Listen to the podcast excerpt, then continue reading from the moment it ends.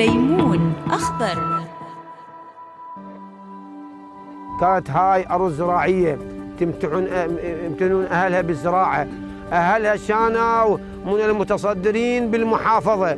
أرض طيبة صالحة للزراعة. الناس تزرع شيء صيف وشتوي. الماء متواجد ولكن بسبب ظروف المناخ بسبب الأمطار بسبب سياسة الدولة بسبب سياسة دول الجوار أدى إلى نزوح الأهالي.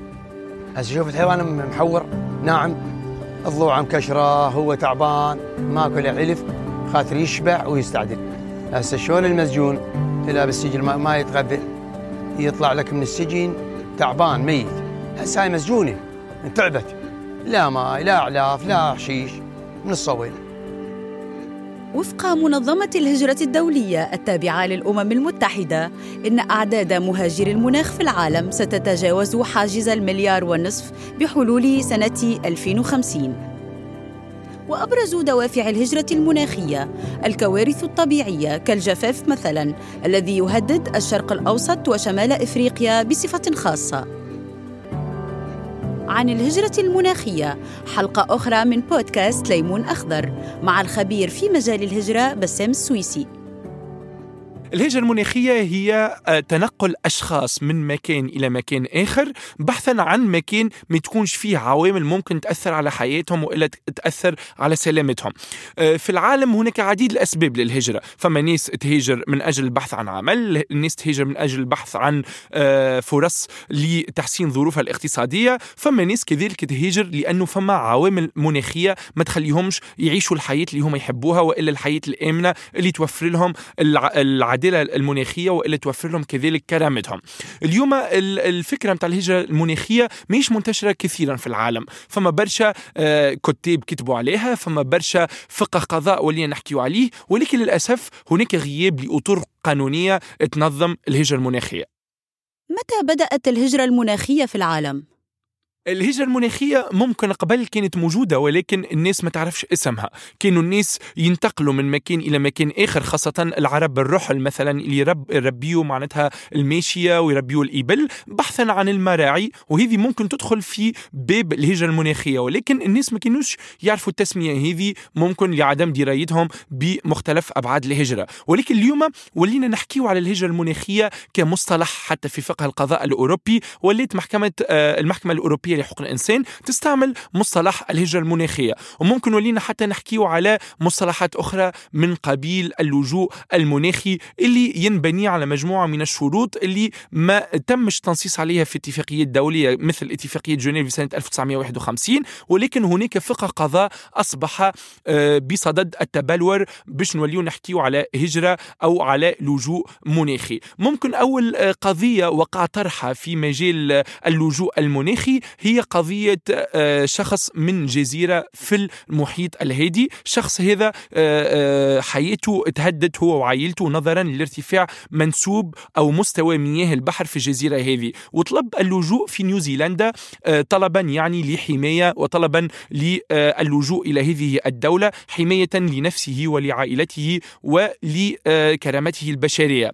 الحقيقة صار جدل كبير في سنة 2013 حول القضية هذه وبرشا ناس حكيوا هل أنه الشخص هذا عنده الحق في اللجوء إلى نيوزيلندا أو لا؟ وقالوا هل أنه أصلا ممكن نتجاوزوا اتفاقية جنيف سنة 1951 ونجيبوا أسباب أخرى للجوء ونعرفوا أنه اتفاقية جنيف كانت حصريا في خمسة أشياء فقط. يقول لك خوف له ما يبرره على أساس اللون على أساس العرق أو غيره من الأسباب اللي تم يعني آه، طرحها في اتفاقية جنيف سنة 1951 الحقيقة كثر الرد والأخذ في الموضوع هذا ولكن في الأخير يعني تم اسناد اللجوء للشخص هذا ولعائلته بناء على العوامل المناخية وبناء على آه، آه، مجموعة من العناصر اللي اتفق اتفق مختلف الأشخاص على إسناد صفة اللاجئ المناخي للشخص هذا. ومن وقتها وليت المحكمة الأوروبية لحقوق الانسان ومختلف آه، مختلف يعني الهيئات القضائية الأوروبية تعترف باللجوء المناخي.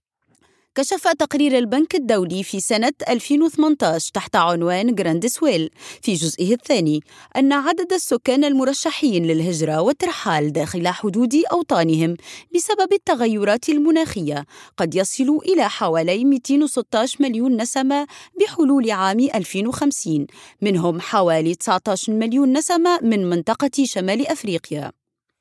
ما هي أهم أسباب الهجرة المناخية في الشرق الأوسط وشمال أفريقيا؟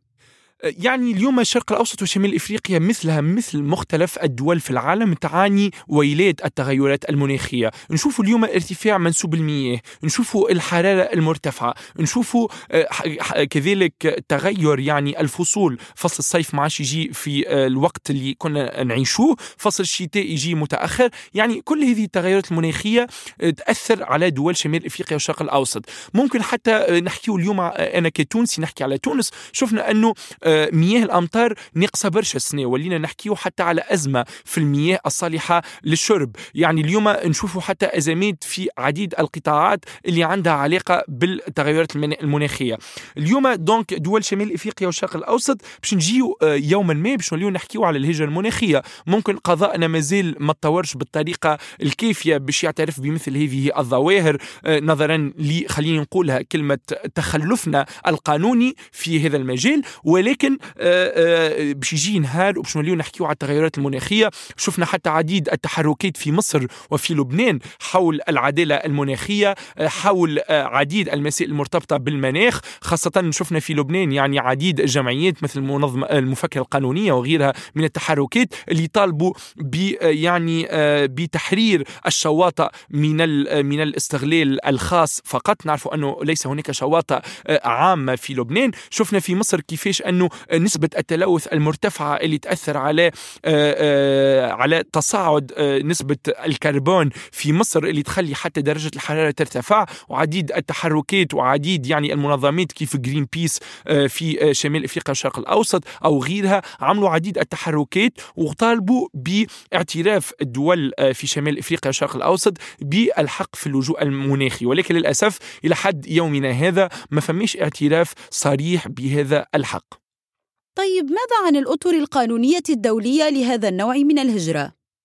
كيف ما قلنا يعني اليوم ليس هناك أطر قانونية دولية آه، تحمي آه، الحق في الهجرة المناخية أو حتى في اللجوء المناخي ولهنا لازمنا نفرق كذلك ما بين الهجرة واللجوء لأنه الهجرة أي شخص يمكن له أن يهاجر ولكن اللجوء فيه أكثر آه، مجموعة من العناصر اللي لازم تتوفر حسب اتفاقية جنيف لسنة 1951 أو كذلك حسب الاتفاقية الاتحاد الإفريقي اللي للأسف هي غير مطبقة ولكن في حقيقة الأمر من زاوية نظر قانونيه القانونية اتفاقية يعني آه، آه، اتفاقية آه، الدول الإفريقية متطورة أكثر من اتفاقية جنيف لسنة 1951 اليوم في ظل السكوت القانوني الدولي أو حتى الوطني عن الاعتراف بالهجرة المناخية أو باللجوء المناخي لقينا انه فما وجود لفقه قضاء دولي. فقه القضاء الدولي هذا وقع بلورته من خلال البلور وقع البلورة متاعه من خلال يعني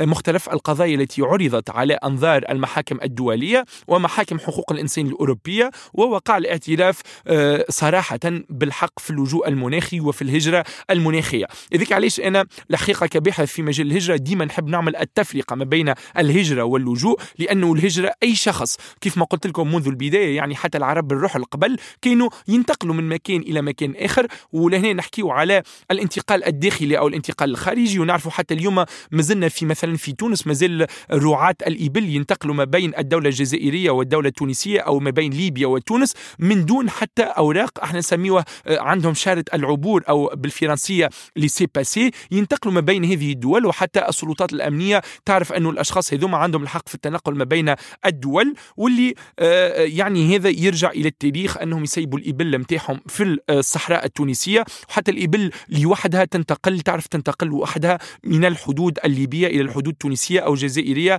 التونسية دونك هناك تقاليد للانتقال من دولة إلى دولة أخرى بسبب آه، التغيرات المناخية ولكن ليس هناك إطار قانوني ينظم هذه المسائل ودرج العرف على آه، تنظيم هذه الأشياء واليوم أصبح لدينا كذلك فقه قضاء ينظم هذه المسائل هل يمكن الحديث مستقبلا عن اللاجئ والمهاجر المناخي العربي؟